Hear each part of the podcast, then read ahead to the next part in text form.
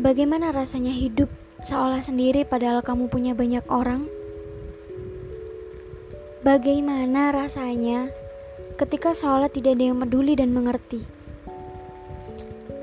Seolah tidak ada yang berhasil menemukanmu rusak, hancur, dan menangis.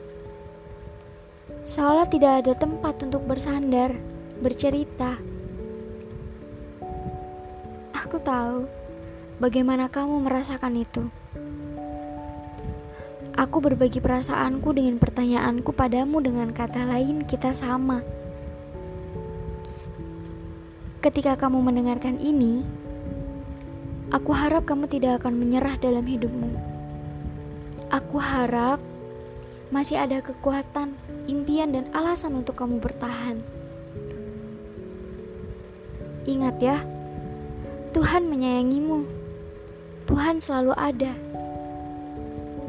Semoga kamu tidak melupakan itu.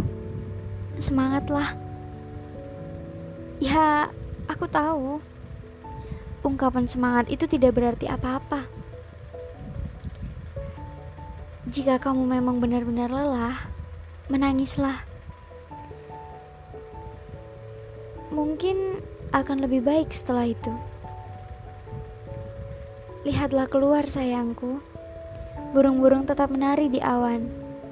Setiap kali ia bertumpu kepada ranting untuk istirahat, ia tak khawatir dengan ranting itu akan patah. Karena ia percaya.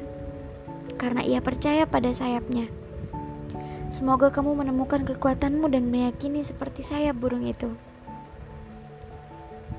Hei, kamu pasti bisa. Kamu pasti bisa melalui semua ini. Semangat ya!